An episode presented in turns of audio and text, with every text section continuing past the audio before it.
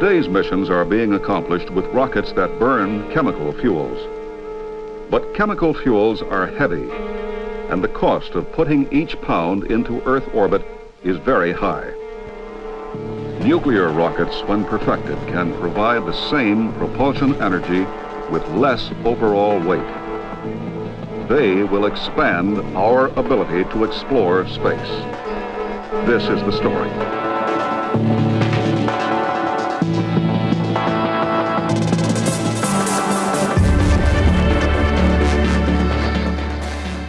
Hvis vi for alvor skal rejse mellem planeterne og sende bemandede ekspeditioner til de yderste afkroge af solsystemet, så har vi brug for et raketbrændstof med væsentligt mere saft og kraft end det, vi bruger i dag. Med vores nuværende teknologi tog det ni måneder for NASA's Perseverance-robot at nå frem til Mars, og en robotmission ud til de ydre planeter som Jupiter og Saturn tager gerne flere år. Den slags rejsetider, det minder mere om dengang, hvor vi krydsede oceanerne med sejlbåde, og så lange rejsetider, det gør det altså også både besværligt og farligt at sende mennesker til Mars. Men nu er der konkrete planer i gang om at genopleve det mytologiske Nerva-rumprogram, der har ligget dvale siden begyndelsen af 70'erne. Det amerikanske militærs udviklingsafdeling, DARPA, har nemlig for nylig annonceret, at de vil teste en atomdreven raketmotor i rummet i 2025. Lykkes det endelig at tage et skridt væk fra de gammeldags kemiske raketter, kan det blive startskud til en helt ny ære for atomdrevne rumforskning, og måske være en genvej til science fiction-drømmen om fusionsraketter. Du lytter til den nye rumalder på Radio 4 med mig, Thomas Schumann, hvor vi ud over atomdrevne raketter i dag også skal tage et kig på nogle nyheder til sidst i udsendelsen i dag, helt kort. Vi skal nemlig omkring den kinesiske raket, som lige nu tumler rundt i rummet og kan styrte ned, hvor det skal være på jorden. Vi skal også sige velkommen, velkommen tilbage til fire astronauter, der landede i nattens mulm og mørke for nylig. Og så skal vi se på, hvorfor det var, at NASA er ravet uklar med blandt andre Amazons grundlægger Jeff Bezos, fordi NASA har valgt Elon Musks månelandingsraket. Men først, og i det meste af dagens udsendelse, skal det altså handle om, hvorfor mange rumnørder mener, at rumfart og atomkraft er lige så god en blanding som jordbær, jordbær med fløde. For at komme hele vejen rundt om både fortid og fremtiden for atomraketter, har jeg inviteret nogle af landets mest vidne, når det kommer til fremtidens raketter, fission og fusion til dagens program. Først så vil jeg gerne byde velkommen til en af Danmarks rumfart, dansk rumfarts spydspidser, professor og afdelingsleder ved DTU Space, John Leif Jørgensen. Velkommen til dig. Tak. Og så vil jeg også øh, byde velkommen til dig, Henrik Bindslev. Du er dekan ved Syddansk Universitets Tekniske Fakultet, og så har jeg kunne forstå øh, en person, som i lang tid har beskæftiget sig med fusion. Velkommen til dig også. Mange tak. Og sidst, men ikke mindst, så kan jeg også byde velkommen til Sten Ejler Jørgensen, astrofysiker og mangeårig formand for Dansk Selskab for Rumforskning, og ikke mindst en rumfart-entusiast ekstraordinær. Du er med på en Zoom-forbindelse, men ikke desto mindre også velkommen til dig. Tak skal du have. Det her, det er et øh, nørdet program, vi har, har her, det kan jeg lige så godt sige med det samme, men dagens udsendelse, det er måske sådan nørderi med ekstra nørd på, for vi taler altså både om rumfart og atomkraft. Så jeg tænker, der er lige nogle helt basale begreber, vi skal have styr på, for at folk ikke er hægtet helt af, når vi gang, går i gang med det her. Og Henrik, jeg vil gerne starte med dig. Øh, når vi taler om atomkraft, så er der, så vidt jeg kan huske mine, mine fysiktimer i folkeskolen, ligesom to måder, man kan bruge atomkraft på. Der er det, der hedder fission, og det, der hedder fusion. Kan du ikke lige hurtigt, øh, helt kort øh, oprise, hvad er det, de to metoder, de går ud på? Fission, der splitter vi øh, nogle meget tunge atomer ad, sådan at de bliver lettere, og så frigøres der meget energi, og ved fusion, der smelter vi nogle meget lette øh, atomkerner sammen, og, og det frigør også energi, og det er jo egentlig mærkeligt, hvorfor det? Men det er fordi, det mest stabile element, vi har, det ligger faktisk i midten af massespektret, det er jern, og hvis vi bevæger os ind mod jern, det vil sige, hvis vi har brint, jamen så hvis vi øh, smelter noget sammen, så det bliver tungere, så er forbindelserne stærkere, og dermed har vi frigjort noget energi. Øh, omvendt, hvis vi er ude ved for eksempel uran eller plutonium, så de er alt for store i virkeligheden til at være ordentligt stabile. Pirker vi lidt til dem, så splitter de sig ad og bevæger sig ind mod jern. Begge dele frigør energi. Og som jeg har forstået, så er det kun fission, vi ligesom har lært rigtigt at mestre endnu, altså i atomkraftværker. Fusion, det har vi ikke helt styr på endnu, er det rigtigt forstået? Det er absolut rigtigt. Ja. Så fission, det har kørt i mange år. Fusion, det er stadigvæk nogle, øh, årtier ude i fremtiden. Og vi kommer nemlig ind på øh, perspektiverne i, i fusionskraft, øh, når vi kommer længere hen i udsendelsen. Øh, for det er også noget, som vi virkelig, hvad skal man sige, der er nogle perspektiver i for, for rumfarten. Men altså, til at starte med, så kigger vi altså på fission her i, øh, i starten af udsendelsen. For det er den metode, som USA øh, med øh, DARPA i spidsen altså vil bruge til at teste i verdensrummet, og det de vil bruge til at drive deres atomraketter, og som de også har udviklet på tilbage i 70'erne. John Leif Jørgensen øh, fra D2 Space, i den presmeddelelse, som jeg har fra DARPA, der, ud, der omtaler de altså den her teknologi, den her øh, fissionsteknologi, som NTP, øh, Nuclear Thermal Propulsion. Kan du ikke øh, kort forklare, hvordan Nuclear Thermal Propulsion det fungerer, og hvorfor det åbenbart skulle være så smart i øh, rumfart? Ja, altså det, der skal til for at flytte sig ud i rummet, det er, at man kan spytte et eller andet væk fra sig, så man øh, selv får ændret sin egen hastighed. Man kalder det, at man smider noget impuls væk i en retning, og så driver man sig selv den anden. Lidt svarende til, hvis man sidder i en kano, og ens kæreste sidder i en anden kano, og så siger kæresten, hvad sidder og kaster det æble til mig?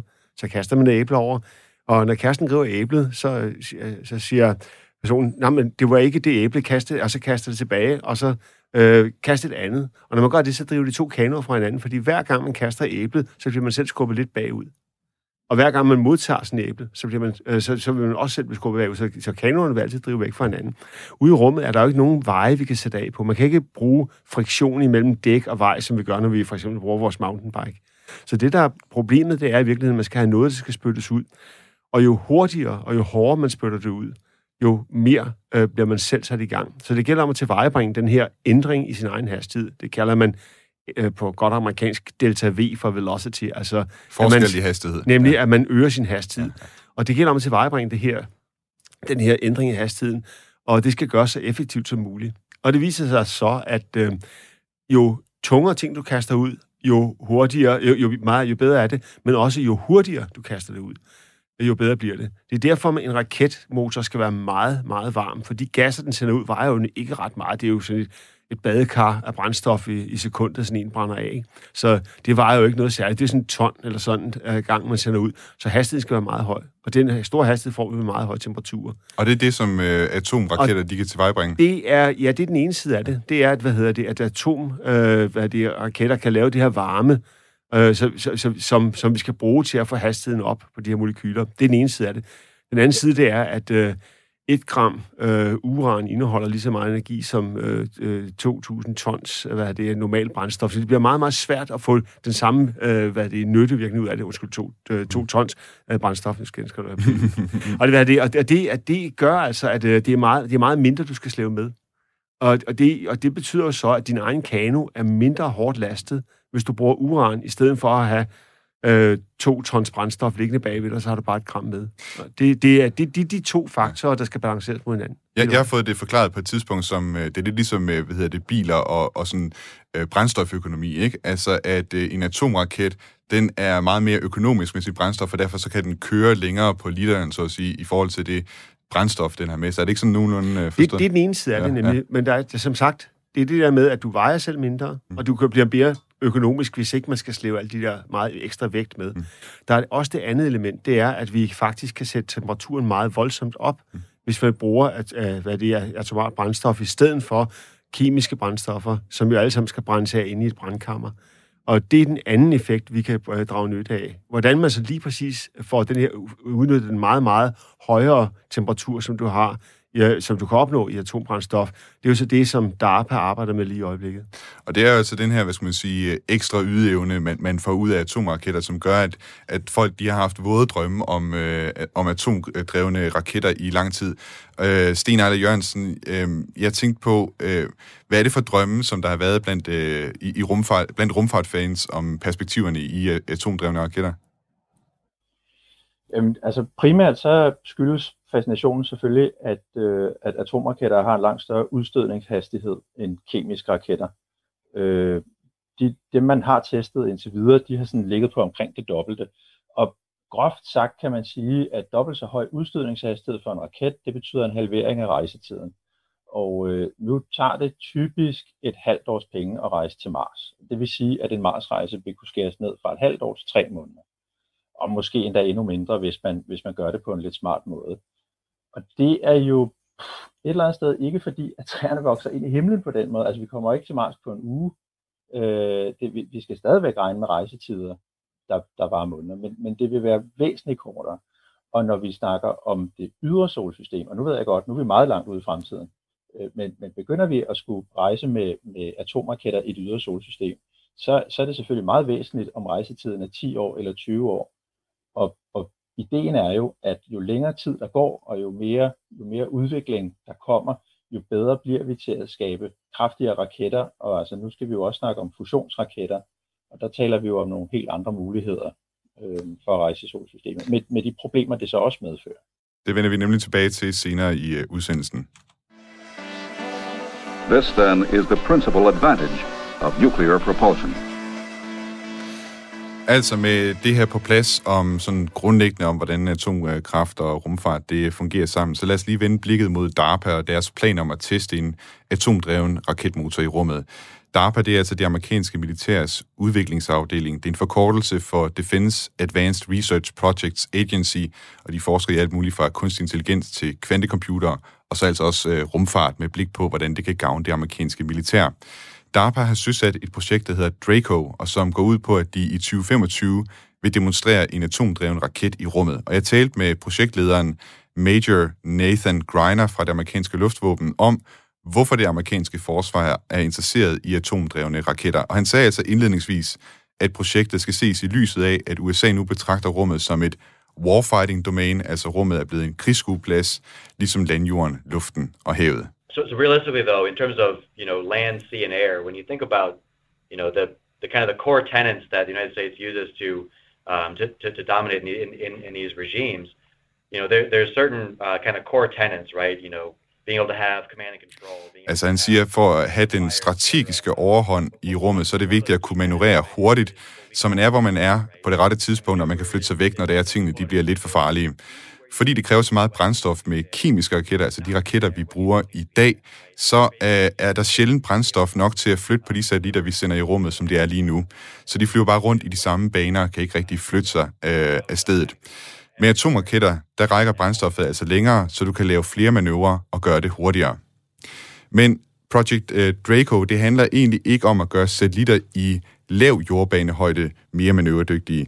Tanken, om, at, tanken er egentlig, at de atomdrevne raketter skal bruges i det, man kalder cis-lunar space, det vil altså sige rummet fra jorden til månen og omkring månen. Og som uh, Major Nathan Griner forklarede mig, så ser vi altså nu både USA og andre lande i verden ret deres fokus mod månen, og der bliver lige nu lagt planer om at bygge baser på månen.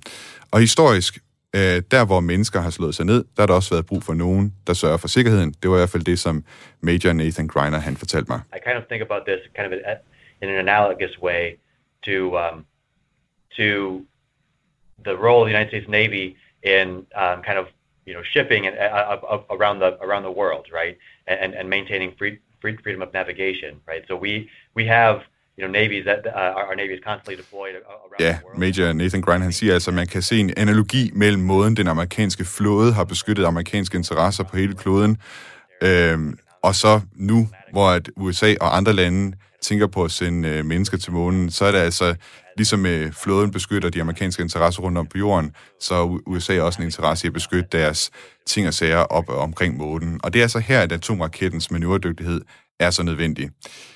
Henrik, øh, atomkraft og militær anvendelse, det har jo hængt uløseligt sammen, kan man sige, siden starten på atomalderen. Det er i hvert fald mit indtryk. Øh, hvad tænker du om uh, DARPA's planer for atomdrevne raketter? Skrækkeligt. det har overhovedet ikke min sympati, må jeg indrømme, og uh, ideen om, uh, også nu, uh, russerne har jo også lige lanceret et uh, interkontinentalt missil, der er atomdrevet, sådan at det kan flyve uh, uh, hurtigere og formodentlig uh, nå rundt om systemet. Jeg synes, det er en uh, utrolig ærgerlig brug af menneskelig uh, både ingenuity og uh, opfindsomhed. Så er det altså lidt bedre med, med at bruge dem til at sende mennesker til Mars, synes du?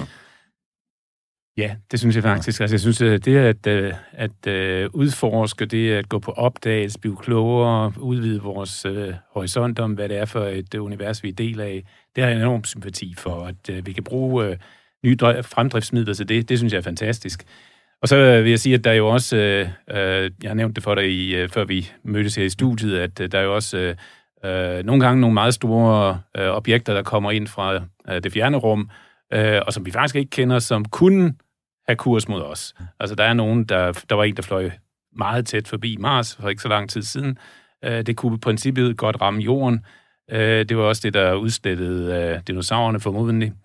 Øh, og der er en af overvejelserne, at øh, hvis vi skal nå at afværge sådan et stort objekt på vej med ud os, så øh, bliver vi nødt til at erkende, at vi, vi får, får moden i første øje på det et år før det rammer os, og øh, der har vi brug for at nå ud og ramme det, og sætte det ud af kurs, og det er klart, at øh, jo længere væk det er, jo mindre skal vi afbøje det, for at det ikke rammer os. Så det gælder om, at vi øh, har fart på, kommer derud, og det er faktisk en af de øh, anvendelser, hvor vi har brug for hurtige raketter.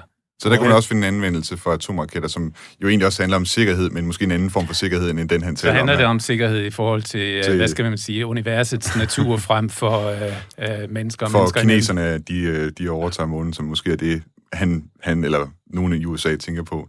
Men øh, som jeg nævnte et par gange, så det er, jo, det er jo ikke første gang, at amerikanerne de kigger på det her med atombærende raketter. øh, faktisk så arbejdede både NASA og USA's Atomic Energy Commission på et fælles projekt tilbage i slutningen af 60'erne og så frem til 1973. This project was called NERVA, Nuclear Engine for Rocket Vehicle Applications. It was to be a combined industry government effort headed by the Space Nuclear Propulsion Office a joint NASA and Atomic Energy Commission activity. Ja, som man kunne høre i den fine informationsvideo her fra en gang tilbage i 70'erne, tror jeg det er, så hed projektet altså NERVA, og det var ude i Nevadas ørken, at man byggede testområder, hvor man kunne afprøve atomraketter, som skulle bane vejen for bemandede missioner til Mars. Det er i hvert fald det, man solgte det på dengang. Øh, Stine Ejler Jørgensen, øh, kan du forklare mig, hvor langt kom man egentlig dengang med de her tests? Man kom faktisk øh, overraskende langt. Øh, man byggede adskillige øh, atomraketmotorer, og det er så det, der hedder nuclear thermal rockets, hvor man, øh, hvor man, hvor man dybest set har en, atomre- en klassisk atomreaktor med nogle brændselstave og nogle kontrolstave. Så længe kontrolstaven er inde, så suger de alle neutronerne til, så lige så snart man begynder at trække kontrolstavene ud, så bliver, øh, så bliver brændstoffet kritisk, og så opstår der kernereaktioner, og så udvikles der en enorm varme. Og det man jo gør i en traditionel atomreaktor, det er, at man kører en masse vand igennem, som dels køler det ned, så det, så det hele ikke brænder sammen, men selvfølgelig også varmer vandet op, og så kan man jo køre det igennem en dampturbine, og så kan man lave en masse dejlig strøm.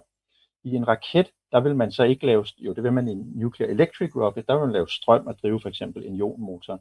Men i en nuclear thermal rocket, der vil man simpelthen bruge den varme til at varme et brændstof op, eller nu siger jeg brændstof, det er så ikke noget, der brænder, det er bare noget, der bliver varmt, og det er typisk en gas, og det kunne for eksempel være hydrogen. Det er det, man typisk bruger, fordi det er den letteste gas. Altså brint? Det er, det er brint, ja. ja det, det, er, det, det er det, der er mest effektivt. Så kører man simpelthen den her øh, brint igennem reaktoren. Det køler reaktoren ned, samtidig med at reaktoren varmer brinten op. Og, og den bliver altså varmet gevaldigt meget op. Så meget, at der opstår et kæmpe højt tryk, som man kan blæse ud igennem en dyse og accelerere det her brint afsted med små 10 km i sekundet. Og det er altså en udstødningshastighed, der er cirka dobbelt så stor som de allerbedste kemiske raketter, vi har i dag. Og, øh, og, der, og der er noget, man har bygget adskillige motorer, og en af dem, øh, man, man kørte dem i længere og længere tid, og en af dem, den stod altså og kørte i en hel time. Så man blev altså rimelig, ja. øh, man, man var altså tæt på at gøre dem øh, flyveklar, eller hvad? Ja, der er jo så, der, altså en ting er, at den kan køre i lang tid, men, men øh, en atomreaktor har det jo med at være temmelig tung. Og når vi har med rumfart at gøre, så vil vi jo helst ikke have, at ting vejer alt for meget. Fordi så bruger vi en masse energi på at accelerere en hel masse masse op, som vi forhåbentlig kunne have undværet. Så, så, så man kan sige, at de var nok ikke i nærheden af at udvikle dem til, at, til at sende dem ud i rummet, men, men, men de var da i hvert fald øh, altså driftssikre, ser det, ser det ud til. På papiret har de været forholdsvis driftssikre, og så er det jo et eller andet sted bare et udviklingsarbejde, at få, at få gjort det lettere og lettere, så det, så det kan komme op i en raket til sidst. Mm.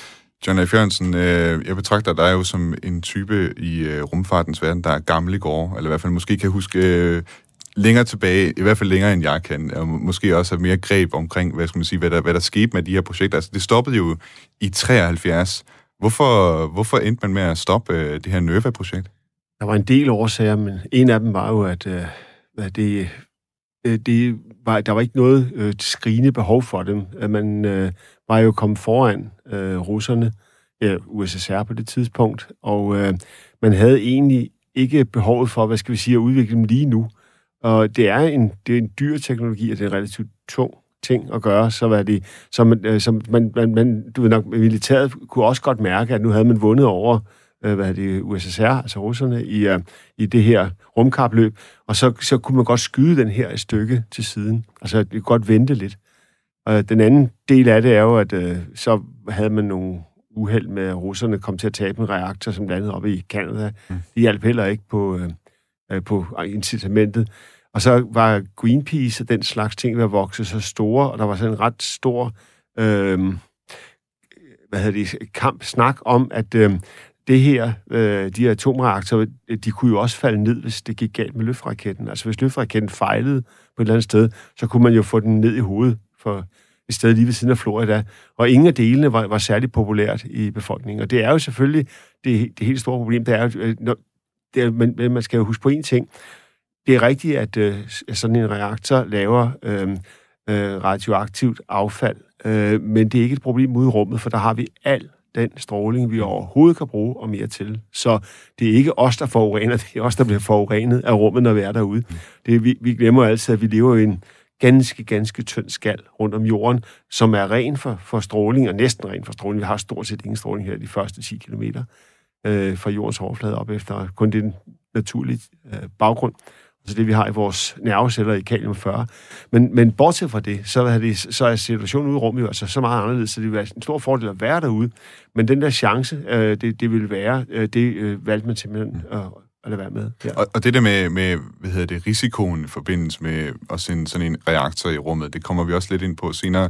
Jeg tænkte på, øh, nu nævnte du, det var kapløbet med Sovjetunionen på det tidspunkt. Hvor langt var man egentlig i Sovjetunionen med at udvikle sådan nogle atomraketter? Der havde man rent faktisk lavet den første. Den okay. kom jo altså op ja. at flyve. Den ja. faldt så også ned i, ja. uh, jeg tror det var seks år gik der, før den faldt ned over i Canada, hvilket var meget upopulært. Ikke? Mm. Så. Ja det er jo det her med, hvad skal man sige, folkelig modstand også, som du nævner, ikke? Altså, at øh, det var jo også omkring samme tidspunkt, at vi havde de store demonstrationer mod atomkraft i Danmark.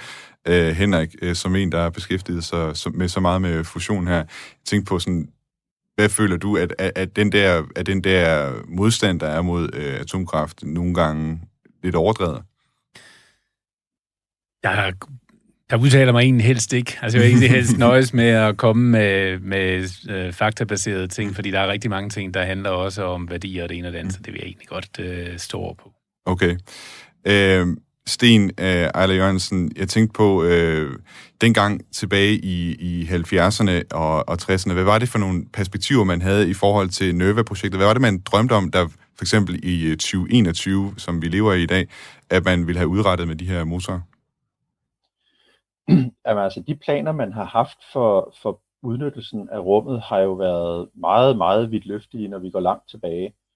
Øh, der var engang en, der sagde, at vi har en tendens til at undervurdere den teknologiske udvikling på kort sigt og nej, på lang sigt og overvurdere den på kort sigt. Men jeg, jeg, jeg tror, at det, der er sket med rumfart, det er jo, at, at lige så snart vi begyndte at sende astronauter ud i rummet, altså hvis vi går tilbage til start 60'erne, midt 60'erne, og faktisk allerede før i 50'erne, der var der jo sådan en idé om, at jamen lige om lidt, så åbnede rummet jo for business, og så ville der være hoteller på månen, og vi kunne tage på trekkingferier til Mars, og vi, vi ville alle sammen bo i kredsløb om jorden på store rumstationer, og der var næsten ikke nogen, der ville blive boende tilbage på jorden. Øhm, og, og i år 2000 ville vi have flyvende biler og rullende fortog, og jeg ved ikke hvad. Ikke? Øhm, og det er jo, at sådan er det jo ikke gået, og det er det jo af mange forskellige årsager. Men jeg tror blandt andet fordi, at at rummet har vist sig at være, altså det er svært, det, er ikke, det var ikke sådan bare lige til, det var ikke, det var ikke, jeg tror man havde forestillet sig, at det var især i USA, det var som at opdage en ny stat, ikke? hey, så ruller vi ind der, så skal vi bare lage en vej. Der er ikke noget infrastruktur i rummet, øhm, det er jo, der er vildt bare rum, ikke? og man kan være i et kredsløb, men, men hvis man rejser ud med sit rumskib, så er der jo ikke, der er ikke noget at koble sig fast til, så skal vi bygge en rumstation først, og det er forholdsvis svært og dyrt, og det har hele tiden været, altså fra det private side været et problem, hvordan skal vi få finansieret det her, og fra det offentlige side har det jo altid været sådan, at, at i en demokratisk nation, så skal du have en, en vis folkelig opbakning, for at det bliver til noget. Og den folkelige opbakning har jo, hvem var der sagde for nylig, den folkelige opbakning til rumfarten er, er helt utrolig bred, men den er få centimeter tyk. Ja. Og det kommer vi også, øh, Sten, undskyld, det kommer vi også ind på senere, også særligt det her med, med fremtiden for, hvad skal man sige, hvad der ligger i, også i, i fusionskraften for atomdrevne rumfart. The technology needed to build a nuclear rocket is well advanced. It will be available when this nation determines its next great objective in space. Du lytter til den nye rumalder på Radio 4 med mig, Thomas Schumann, og i dag der handler det altså om, hvordan atomkraft og rumfart bare er lige så god en kombination som koldskål og kammerjunker. Med mig i studiet i dag har jeg John Leif Jørgensen, professor og afdelingsleder ved DTU Space. Jeg har Henrik Bindslev, der er dekan ved Syddansk Universitets Tekniske Fakultet og en af Danmarks største eksperter, når det kommer til fusion. Og så har jeg Sten Ejler Jørgensen, astrofysiker og mangeårig formand for Dansk Selskab for Rumfartforskning, og ikke mindst rumfartentusiast ekstraordinær. Og øh, John Leif, du nævnte det faktisk før, og jeg tænkte, vi nogle af de her tilfælde, der har været omkring øh, reaktorer i rummet, og vi var lidt inde på det her med sikkerheden ved, ved det, og jeg tænkte, vi lige skulle prøve at runde den historie, du var lidt inde på omkring en russisk atomreaktor, fordi Sovjetunionen nåede faktisk at sende 29 satellitter i kredsløb om jorden, som brugte en atomreaktor til at lave strøm med, i hvert fald. Øh, USA, de sendte en enkelt af den slags satellitter i rummet. Og øh, der er nogle af dem her, der faktisk er styrtet ned igennem øh, tidernes løb. En af dem, det var den russiske overvågningssatellit Cosmos 954, der styrtede ned over det nordlige Kanada, hvilket altså betød, at de kanadiske myndigheder de skulle ud i skoven og rydde op i de radioaktive rester, der var nået hele vejen ned til jorden. De sendte bagefter Sovjetunionen en regning på 10 millioner dollars for, for besværet. Og så er der jo også øh, det her plutonium, som vi blandt andet forsyner vores øh, Mars-robotter med, og sonder til det ydre solsystem. Jeg ved blandt andet, at Perseverance-robotten op på Mars, den øh, får sin strøm fra plutonium. Så Øh, og særligt plutonium er noget meget, meget radioaktivt, øh, giftigt øh, stas, hvis mennesker kommer i kontakt med det i hvert fald. Hvis, øh, du, du sidder og nikker lidt derovre, men jeg tror, eller ved det, ryster lidt på hovedet derovre, John, men hvis man rører ved det, det er ikke, det er ikke godt, hvis man... Øh, man skal ikke spise det. Man skal ikke spise det, så meget sagt. Øh, vi hørte uh, tidligere fra øh, Major Nathan Griner fra det amerikanske luftvåben, som altså er projektleder hos det amerikanske militærs udviklingsafdeling DARPA, og han sidder og arbejder med det her projekt om at teste en atomraket i rummet i 2025. Og øh, jeg spurgte også ham ind til det her spørgsmål omkring sikkerhed, og hvad de har taget sig af forholdsregler ved at sende sådan en atomraket i rummet. With a reactor, you're essentially launching something that has a, a similar um, uh, chemical and radiological uh, hazard as lead, right? And so, which, was just to say, it really doesn't have a radiological uh, uh, hazard.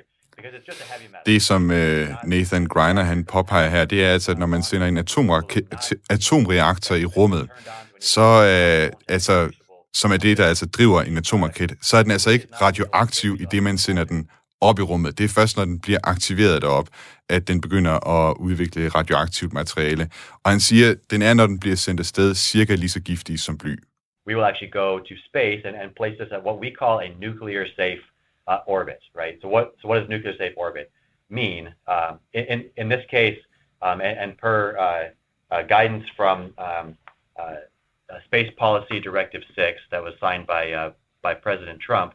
Uh, og så siger han altså her, at de uh, derovre hos DARPA følger et direktiv, der blev indført af Donald Trump, som foreskriver, at atomreaktorer skal placeres i et såkaldt atomsikkert kredsløb. Det vil sige, at de skal sendes op i en bane, der er så højt op over jorden, at tiden det vil tage, før at reaktoren falder ned på jorden igen, vil være så lang, at det radioaktive materiale i reaktoren vil være henfaldet så meget, at den igen cirka er lige så giftig, som den blev sendt i rummet.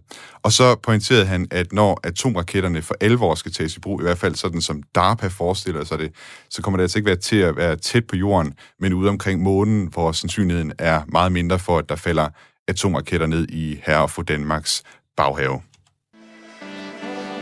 The core consists of many graphite elements impregnated with the uranium-235 fuel. Indtil videre så har vi altså talt om atomraketter, som vi i princippet kan bruge i dag, fordi de bruger fission, som vi var inde på i starten, og det er det, som man bruger i uh, at, hvad hedder det, atomkraftværker hernede på jorden også.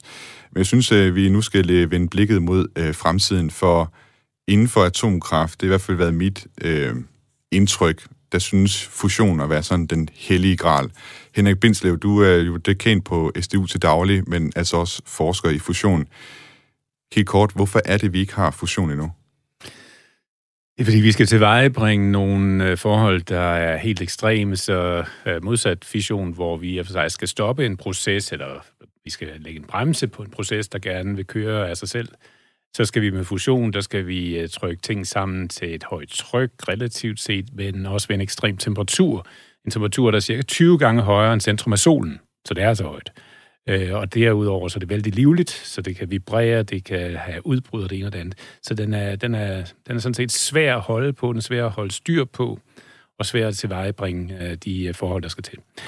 Når det er sagt, så er det ikke sådan, at vi er milevidt fra de tilstande, så vi er med eksisterende eksperimenter. Der er vi oppe på de her øh, 200 millioner grader, eller 20 gange temperaturen i centrum af solen. Ind i sådan en reaktor, ja. som vi har nu? Okay. Ja, der, er, ja. der, der, der, altså, øh, man kan også gå højere op, øh, så der man har også været op på 400 millioner grader. Øh, så, så de temperaturer er der, øh, men det skal kombineres med, at øh, der er den høje temperatur, tætheden skal være høj nok, det vil sige, trykket øh, bliver signifikant, og det tryk, det kan jo ikke holdes med en fysisk væg, for der er ingen, altså du kan ikke have noget, der er flere hundrede millioner grader varmt, som samtidig rører ved et fast stof, så derfor bliver det holdt ved hjælp af magnetfelter. Mm-hmm. Øh, og det der med at holde på et stof, der har et tryk på 10 atmosfære, ren og skær med magnetfelter, men som så i øvrigt er sindssygt leveligt. Det er udfordrende, og det er man så i gang med at prøve at finde løsninger på, og det skal nok lykkes, men det kommer nok til at tage øh, ja, en 30 år endnu i hvert fald. Okay. Jeg, jeg troede ellers, joken var sådan, at det var 50 år ude i fremtiden. Ja, men det, det er rigtigt. Det er rigtigt, og det, jeg skulle måske også holde fast i den naturkonstant. Ved det, men, men, men man kan sige, det som den, det meste af forskningen, der foregår lige nu, også blandt andet med ITER i, øh, i Frankrig, omkring fusion, det handler jo om at producere strøm, ligesom vi producerer strøm fra øh, atomkraftværker i dag, der bruger fission. Øh, hvis nu vi taler om en raket, hvordan, hvordan øh, kan vi bruge fusion i en raket? Det bliver en uh, lidt anden konfiguration end uh, ITER. ITER vejer simpelthen for meget, så man kan overhovedet ikke forestille sig at placere ITER i en raket. Men der er også en hel masse ting, som er unødige op i rummet, øh, og vi vil jo ikke, eller vi ville ikke øh, producere strøm, og så øh, derefter lave en, øh, en ionraket. Vi vil sådan set øh, tage de hurtige elementer inde i plasmaet og smide dem ud af bagenden. Så altså inde i den her super varme plasma inde, ja. i, inde, i, ja. inde i reaktoren, det er det, man vil smide ud af raketten? Der vil man, øh, vil man gøre det, at øh, man vil lave en øh, magnetisk flaske, hvor der er hul i, i den ene ende.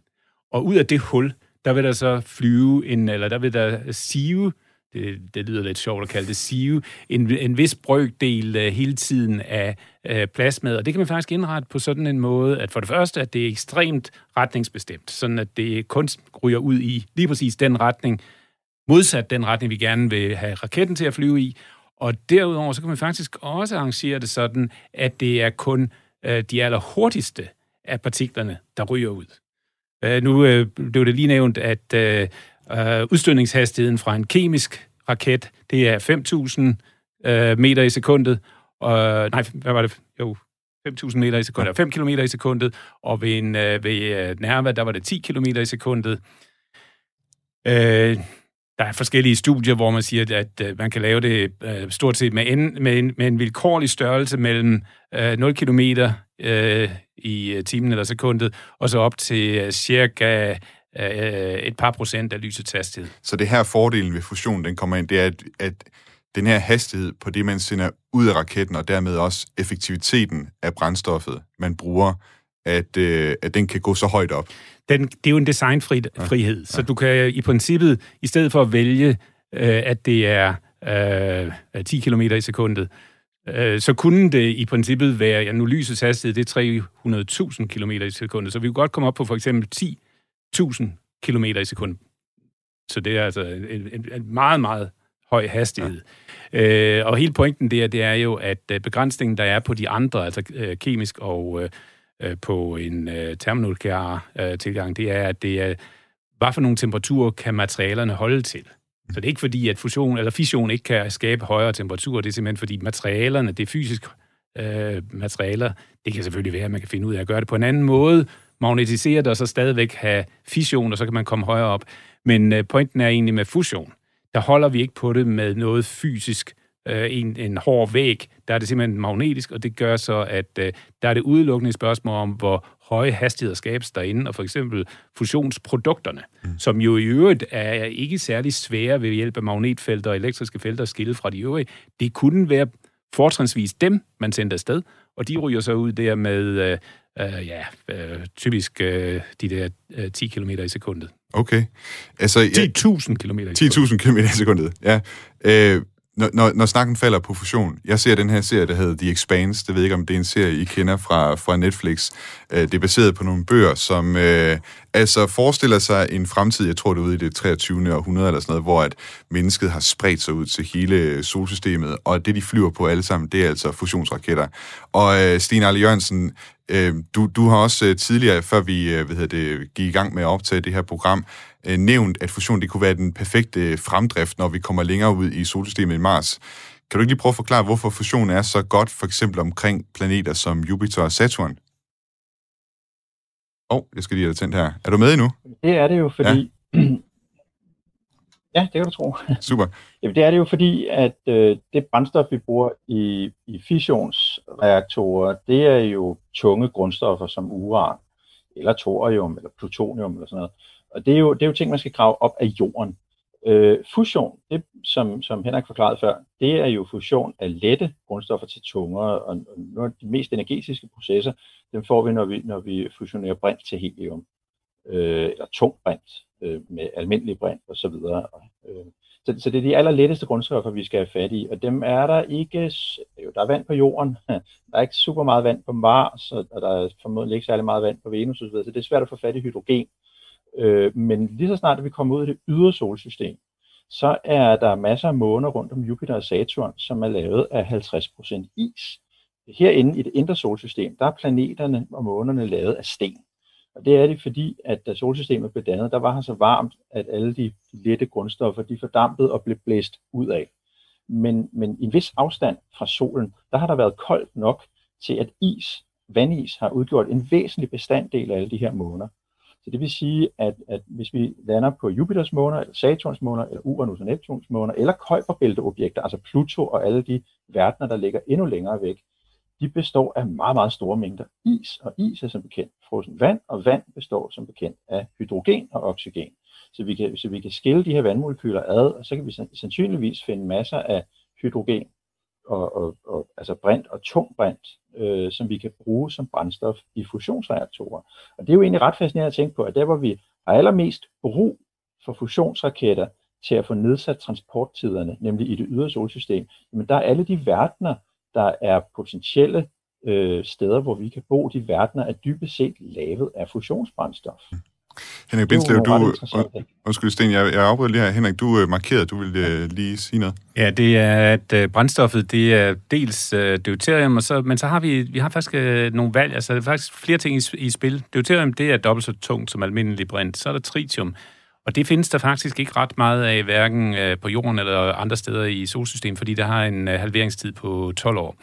Øh, men deuterium tritium, som er det, vi vil køre med i fusionsreaktorer på jorden, er nok ikke ideelt til en raket, fordi 4 femtedel af energien kommer ud i neutroner, og neutroner er irriterende på en raket, fordi de flyver i alle retninger, det, og vi kan simpelthen ikke øh, dirigere dem modsat den retning, vi vil flyve i. Så de, de er i form af at, at give øh, et spark til raketten, så er de fuldstændig uden værdi. Men derimod så kommer de til at løbe ind i alt muligt vigtigt udstyr, øh, ind i vores øh, superledende magneter og det ene og det andet, og derfor skal vi have en, en, øh, en stor afskærmning. Men der er en meget, øh, anden, meget mere interessant anden øh, øh brændstofsammensætning. I stedet for deuterium og tritium, så i stedet for at bruge øh, deuterium og helium-3.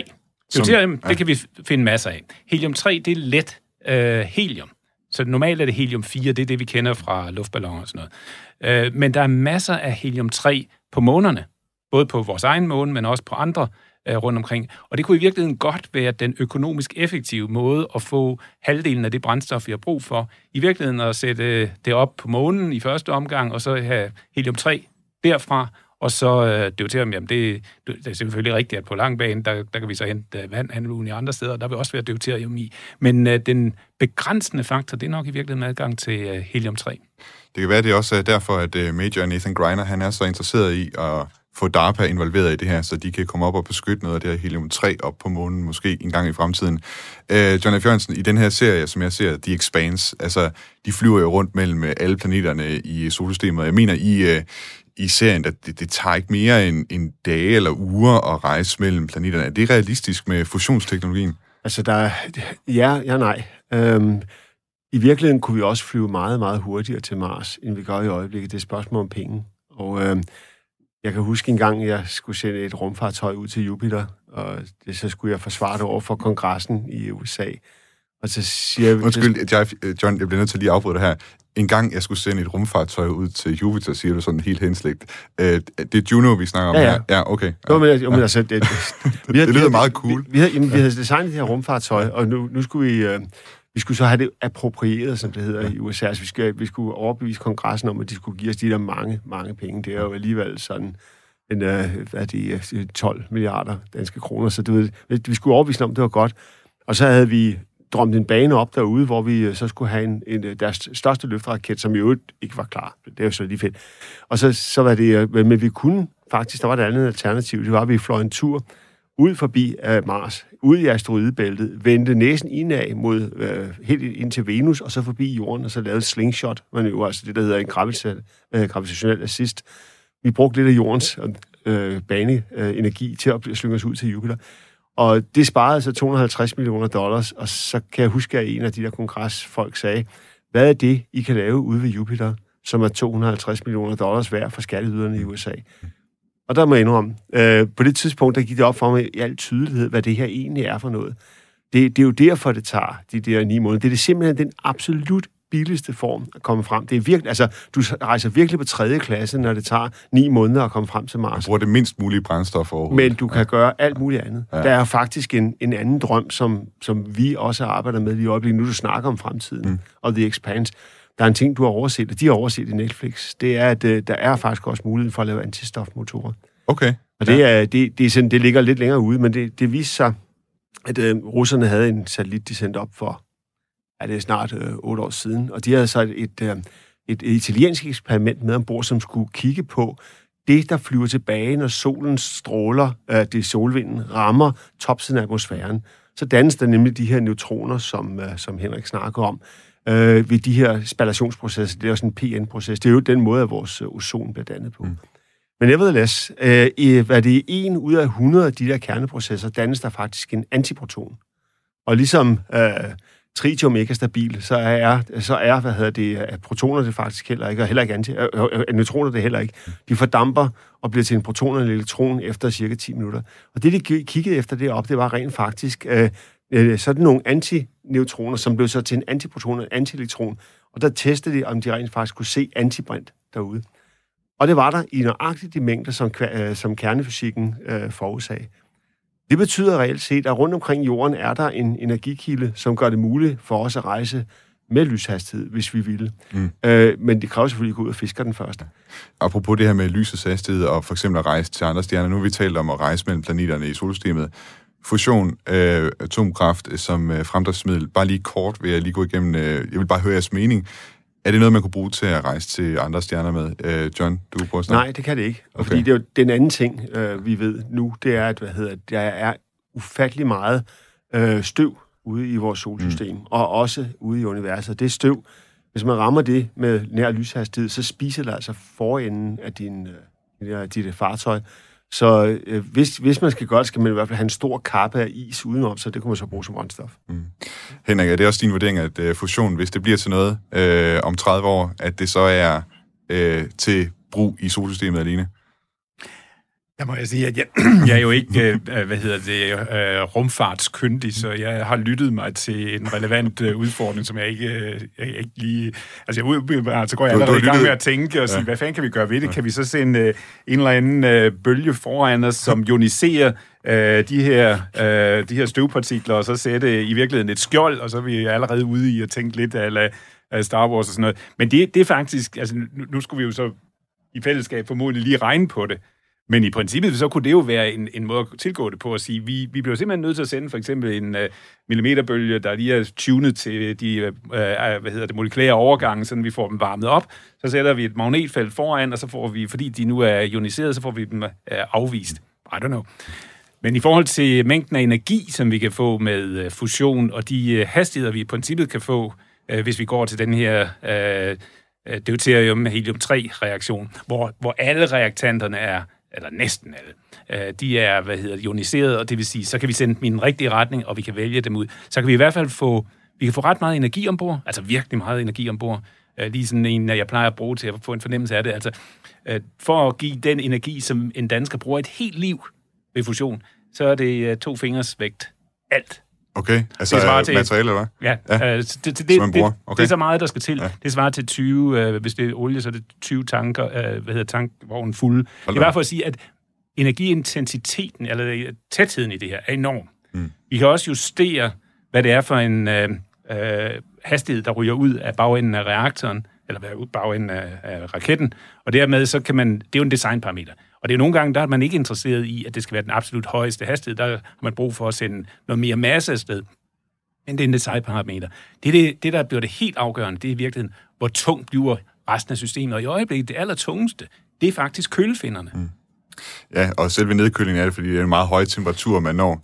Øh, Sten, du får også lige lov, du kan lige få lov helt kort øh, ja-nej at svare på, øh, om du, altså nu lyder det nej, for begge lyder det nærmest som om her, i forhold til at rejse øh, ud til stjernerne med fusion. Hvad, hvad er din dom? Jamen, jeg, jeg synes ikke, man skal afvise det på forhånd, fordi, fordi det, det hele handler jo alene om, hvor lang tid er vi villige til at bruge på det. Det er klart, at hvis vi vil til Alpha Centauri på to år, så kan det slet ikke lade sig gøre, fordi den ligger fire lysår væk, så selv hvis vi vil med lysets hastighed, vil det tage fire år. Men, men, men er vi villige til at bruge 100 år på en rejse, så begynder det bestemt at ligne noget. Og måske kan vi endda gøre det på 50 øh, med, med kendt fusionsteknologi. Jeg tror, der er, der er rigeligt at, at tale om også i fremtidige udsendelser af den rumalder. Det er jo det, der er dejligt ved at lave sådan et program her. Før vi runder helt af for i dag, så skal vi lige rundt om nogle af de nyheder i rumfartens verden, som jeg har holdt øje med i løbet af den seneste tid. For missions that require higher thrust, two or more of these engines may be used in a single stage. Som jeg sagde i starten af udsendelsen, så kredser der altså over jorden lige nu en 30 meter lang og 5 meter bred kinesisk raket. Og det er altså den raket, som kineserne brugte til at sende deres nye rumstation Tianhe i rummet den 28. april. Men Kina har åbenbart ikke kunne e, enten ikke kunne eller undladt at gøre noget for at styre raketten, så den altså skulle brænde op et sikkert sted i, øh, over, over jorden, et ubeboet sted. For både det amerikanske militær og raketentusiaster, de har kunne konstatere, at raketten den falder ukontrolleret ned mod jorden. En talsmand fra det amerikanske forsvar har sagt til Space News, at de vurderer, at raketten vil brænde op i jordens atmosfære den 8. maj, altså på lørdag. Hvor det præcis kommer til at ske, det er der ikke nogen, der kan vide med sikkerhed. Og øh, selvom det meste af raketten vil brænde op i atmosfæren, så vil det altså være stykker, som kan nå ned til overfladen. Og sådan som raketten, den kreds om jorden, øh, dens kredsløb rundt om jorden, så, gør den, så flyver den altså hen over byer som New York, Madrid og Beijing. Og der har været tilfælde før. Der var på et tidspunkt øh, den her amerikanske rumstation Skylab, der også øh, faldt ned og brændte op i atmosfæren over øh, øh, Australien, var det. Så det er noget, der er noget badwill i forhold til øh, Kina lige her. Det mest sandsynlige, det er dog, at den brænder op over havet. I midlertid så gik det helt efter bogen, da besætningen på SpaceX's Crew Dragon rumkapsel, der har fået navnet Resilience, vendte tilbage til jorden den 2. maj og plaskede ned i den meksikanske golf klokken lidt i tre om natten lokal tid. Og det var altså første gang siden Apollo 8 i 1968 vendte hjem til jorden igen, at amerikanske astronauter har landet i havet midt om natten. Og selvom det ikke helt er trivielt at fiske astronauter op fra havet midt om natten, så gik det altså alt som det skulle. Tingene er imidlertid ikke gået helt som de skulle i forhold til, hvem NASA har valgt at købe et månelandingsfartøj hos. I hvert fald ikke, hvis du spørger manden bag Amazon, Jeff Bezos. Den 16. april annoncerede NASA, at blandt de tre virksomheder, som havde budt ind med fartøjer, der, kunne, der kan lande NASA's astronauter på månen i fremtiden, der havde NASA altså valgt alene SpaceX og deres Starship-rumskib. De to andre virksomheder, det var Blue Origin øh, i samarbejde med blandt andet virksomheden Lockheed Martin, og så en virksomhed, der hedder Dynetics. NASA's valg det faldt ikke i god jord hos øh, Blue Origin, der er stiftet af Jeff Bezos, og få dage efter nyheden kom frem, der indgav både Blue Origin og Dynetics en klage mod NASA's valg. Det har forløbet betydet, at NASA's og SpaceX's samarbejde midlertidigt er blevet indstillet. NASA begrundede øh, valget af SpaceX med, at, der, at det var langt det billigste bud med en pris på cirka 2,9 milliarder dollars, og at NASA desuden øh, inden for sit eksisterende budget faktisk ikke havde råd til mere end det. Desuden skrev NASA om Starship, at rumskibet med sin 50 meters højde og 9 meters bredde blandt andet kan fragte meget mere nyttelast til månen end de fartøjer, Blue Origin og Dynetics havde foreslået. Det bliver spændende at se, hvad det endelige udfald bliver. Det var alt for dagens udsendelse af den nye rumalder. Jeg vil sige tak til mine gæster. Tak til dig, John Leif Jørgensen, professor og afdelingsleder ved D2 Space. Tak til Henrik Bindslev, dekan og forsker i fusion ved SDU. Og tak til Sten Arle Jørgensen, astrofysiker og tidligere formand for Dansk Selskab for Rumforskning. Programmet var tilrettelagt af Søren Bjørn Hansen. Mit navn er Thomas Schumann. Har du ris, ros, forslag eller kommentar til programmet, så send det ind til mig på den nye rumalder radio4.dk. I næste uge der kigger vi på fremtiden for Europas rumprogram, for generaldirektøren for det europæiske rumfartagentur ESA, han mener, at vi i Europa skal til at tage os sammen, hvis vi ikke skal blive hægtet af udviklingen i USA og Kina. Så hvordan kommer ESA og Danmark op i gear og bliver en del af rumkapløbet igen? Det dykker vi ned i på torsdag i næste uge kl. 10-11 på Radio 4, og du kan som altid også finde programmet som podcast. Indtil da, ad Astra.